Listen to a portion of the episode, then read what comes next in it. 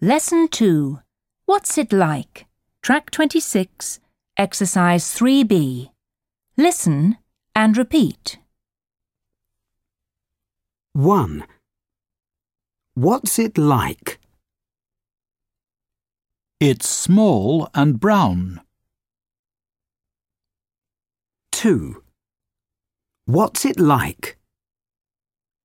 It's large and grey. 3.